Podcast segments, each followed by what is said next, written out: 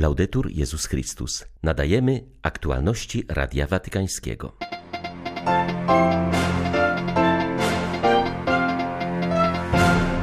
Idźmy naprzód z wiarą, którą otrzymaliśmy od naszych rodziców. To wiara zmienia historię, przypomina papież Franciszek w przesłaniu do argentyńskiego ruchu misyjnego.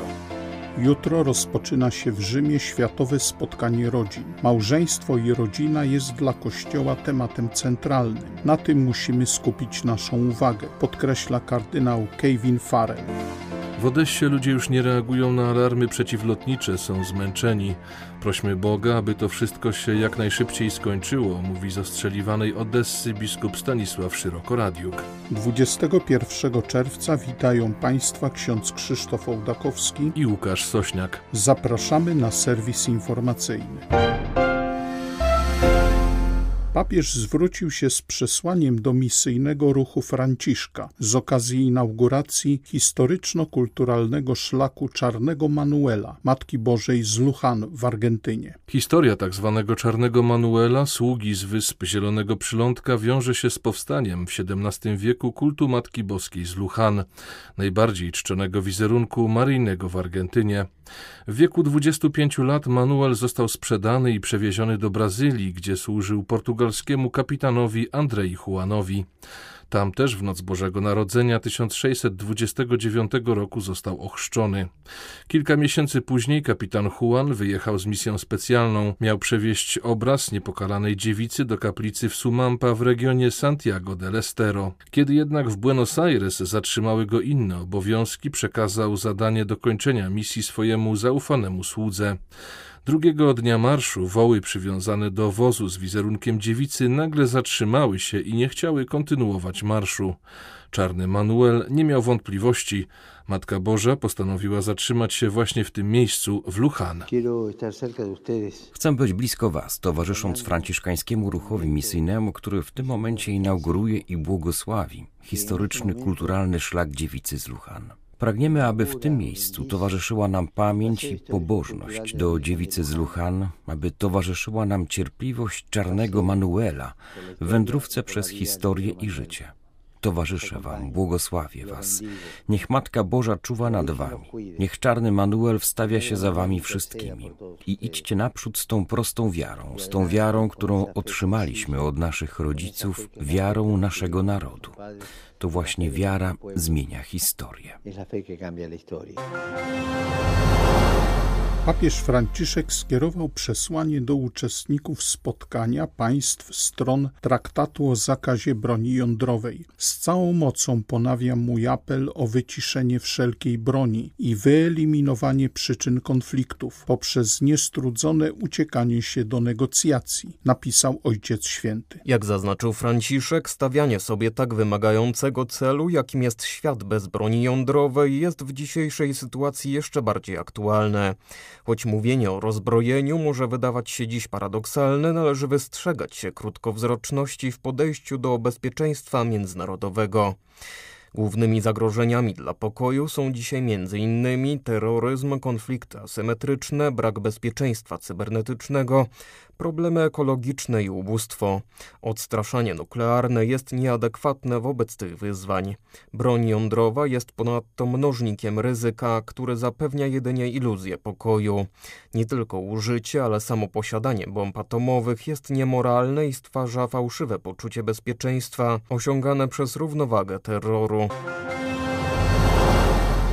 Biskupi brazylijscy spotkali się z papieżem Franciszkiem. Wizyta ad limina była okazją do rozmowy o wyzwaniach stojących przed kościołem w Brazylii, która mierzy się ciągle z problemami rdzennych mieszkańców, napływem migrantów oraz wyzyskiwaniem środowiska. Kolonializm i przemoc wobec Matki Ziemi nigdy nie ustały, powiedział Radiu Watykańskiemu ojciec Lucio Nicoletto, administrator apostolski diecezji Roraima w Brazylii. Gdy papież usłyszał, że pochodzę z Roraimy, od razu zapytał mnie o wenezuelskich migrantów. W słowach papieża chodzi o zwrócenie uwagi na konkretne znaki cierpienia ludu. Gdy przybywają do nas migranci, na ich twarzach jest strach przed głodem, brakiem praw i pracy.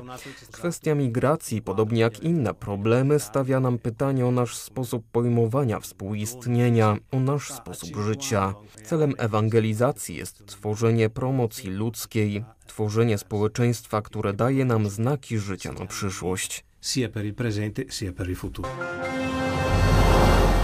Mam nadzieję, że Kościół podejmie kwestię życia rodzinnego, tak jak chce tego papież Franciszek. W świadomości, że małżeństwo i rodzina jest dla Kościoła tematem centralnym. Na tym musimy skupić naszą uwagę, mówi kardynał Kevin Farrell w przededniu rozpoczęcia dziesiątego Światowego Spotkania Rodzin. Tym razem odbywa się ono w Rzymie, a zarazem w kościołach lokalnych. Szef watykańskiej dykasterii do spraw świeckich rodziny i życia ma nadzieję, że spotkanie rodzin będzie dla Kościoła zastrzykiem nowych sił witalnych. Zapewnia, że uczestnicy tego spotkania nie mogą zapomnieć o rodzinach, które znajdują się w krytycznej sytuacji, takiej jak wojna na Ukrainie.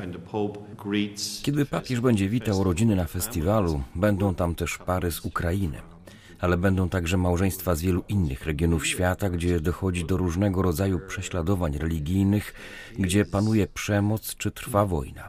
Któż mógłby odwracać wzrok od cierpienia rodzin, matek z dziećmi, których ojcowie pozostali na Ukrainie i walczą? Podróżują one do obcych krajów, których nigdy wcześniej nie były, gdzie nie mają krewnych. Podziwiamy to, co zrobiły wszystkie te kraje, instytucje, kościoły, które włożyły tak wiele pracy w przyjęcie i pomoc migrantom i uchodźcom. Ale to nie to samo, co być w domu. Całe Twoje dotychczasowe życie zostaje rozbite. Nie masz niczego.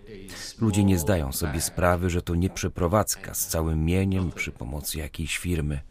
Wyjeżdżają z małym bagażem nic im nie pozostało. Serce pęka, gdy się na to patrzy. Kościół nie może ignorować tej rzeczywistości w świecie. Poprzednie spotkanie rodzin było doświadczeniem jedności w radościach, smutkach i wyzwaniach stojących przed rodzinami, powiedziała Radiu Watykańskiemu Brenda Drum, która podczas ostatniej edycji w 2018 roku w Dublinie była kierownikiem do spraw komunikacji tego wydarzenia. Jak zaznacza Drum, doświadczenie spotkania sprzed czterech lat pokazało irlandzkim rodzinom, jak ważne jest tworzenie kościoła poprzez rodziny i dla nich. Tym, co było najbardziej ujmujące, gdy przygotowywaliśmy się do spotkania wtedy, był widok matek, ojców i dziadków, którzy działali razem i poświęcali swój czas i energię, by zapewnić przyjęcie rodzinom przybywającym do Dublina. To doświadczenie zachęciło parafię do większego działania razem z rodzinami, do dotarcia do nich poza murami kościoła. To smutne, gdy patrząc na kościół nie widzi się w nim rodzin i myślę, że tamto spotkanie naprawdę dało nam odnowione poczucie, jak ważne jest, aby pielęgnować udział rodzin we wszystkim, co robimy jako kościół. Adhortacja Moris Leticia okazała się pomocna w codziennym życiu rodzinnym. Dają o tym świadectwo członkowie ruchu Nowe Rodziny, związanego z ruchem Focolari. Na kilka dni przed światowym spotkaniem rodzin w Rzymie wydali oni książkę, w której zebranych zostało 55 świadectw z całego świata. Jak mówi Radiu Watykańskiemu Maria Caporale, która wraz z mężem zajęła się redakcją tej książki, w świadectwach tych nie ma rzeczy nadzwyczajnych. Są to normalne rodzinne historie, których świadomie szuka się inspiracji w posynodalnym dokumencie papieża Franciszka. Zdaniem Marii Caporale świadectwa te pokazują, że rodzina często znajduje się dziś w sytuacji krytycznej, jednakże Focolarini, którzy pośród różnych trudności szukali pomocy i inspiracji w Amoris Leticia, zapewniają, że papieskie nauczanie sprawdza się w praktyce. Mogę zaświadczyć, że Ewangelia jest odpowiedzią na wszystkie wyzwania, które stają dziś przed rodzinami. Trzeba tylko nią żyć, mieć odwagę przezwyciężyć trudne chwile, a to rzeczywiście prowadzi do radości miłości, do amoris leticia. I w ten sposób urzeczywistnia się również to, co będzie tematem Światowego Spotkania Rodzin, a mianowicie miłość rodzinna jako powołanie i droga do świętości.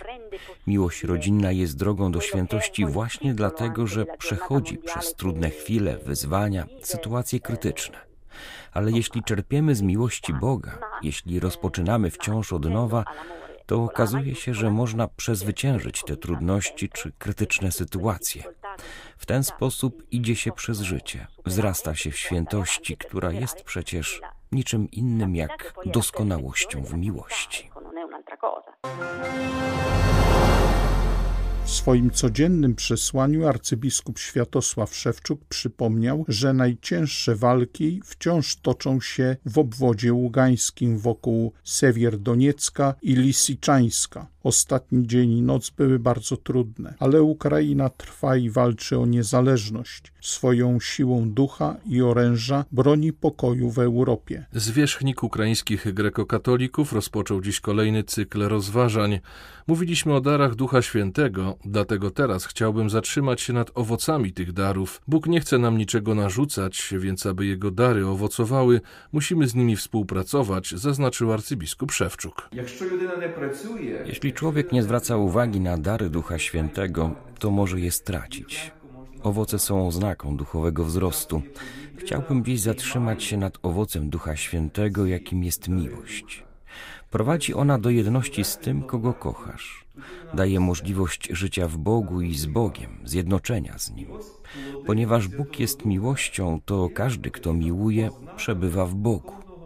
Chciałbym z Wami pomodlić się o to, abyśmy nawet w czasie wojny, która jest czasem śmierci, jednoczyli się z Bogiem w miłości, realizowali Jego wolę i zapraszali Go do naszego życia. Dzięki temu otrzymamy zadatek wiecznego szczęścia. Tego nie może nam zabrać żaden żołnierz. Bóg kocha Ukrainę, kocha nas wszystkich, chce być z nami i z nami mieszkać. I z nami.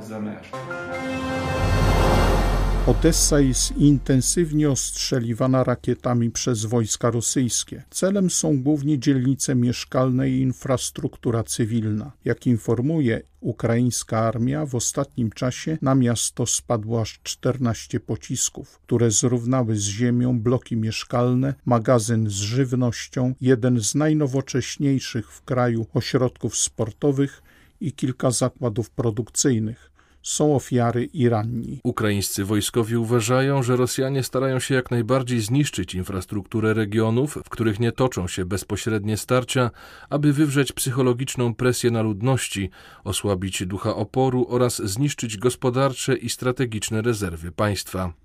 Wszyscy czekamy, co będzie dalej, jest spore napięcie, mówi w rozmowie z Radiem Watykańskim biskup Odesko-Symferopolski Stanisław Szyroko-Radiuk. My funkcjonujemy normalnie, bo robimy co możliwe. Kościół żyje, Boże ciało nas dobrotów w środku w kościele wybiliśmy wszystko, bo nie pozwoli nam na zewnątrz robić. Pełny kościół ludzi był. Nabożeństwo mamy cztery razy na dzień. W niedzielę mamy sześć nabożeństw. Ludzi wróciło dużo i przychodzą do kościoła i dzieci są. Święto na dzieci zrobiliśmy 1 czerwca. Bardzo ładnie na ulicy takie święto byli ponad 150 dzieci zebrało się. No jak alarmy, no to chowamy się. Kto się chowa, ktoś nie zwraca uwagi. Miasto żyje. Wszystkie mają już dość tych alarmów i ludzi nie bardzo tam się przyjmuje tym wszystkim. Dużo uchodźców mamy. Mikołajowa, z Hersona, takie centrum pomocy różne i miasto organizuje. My, my karty mamy trzy takie miejsca, gdzie rozdajemy pomoc.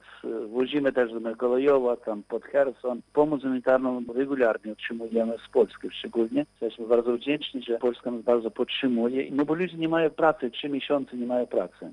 Uchodźcy, którzy przyszli tutaj, oni też nic nie mają. I dlatego oni dane na tą łaskę pomocy humanitarnej. No, modlimy się prosimy Boga, żeby to wszystko szybciej się skończyło. I wojskowi przychodzą nas na, na modlitwę, na błogosławieństwo. Różańce rozdajemy dużo. Pomagamy tak, czy możemy tym wojskowym jakaś odzież, spiwory, czy te kalimaty. No to wszystko oddajemy uchodźcom albo wojskowym.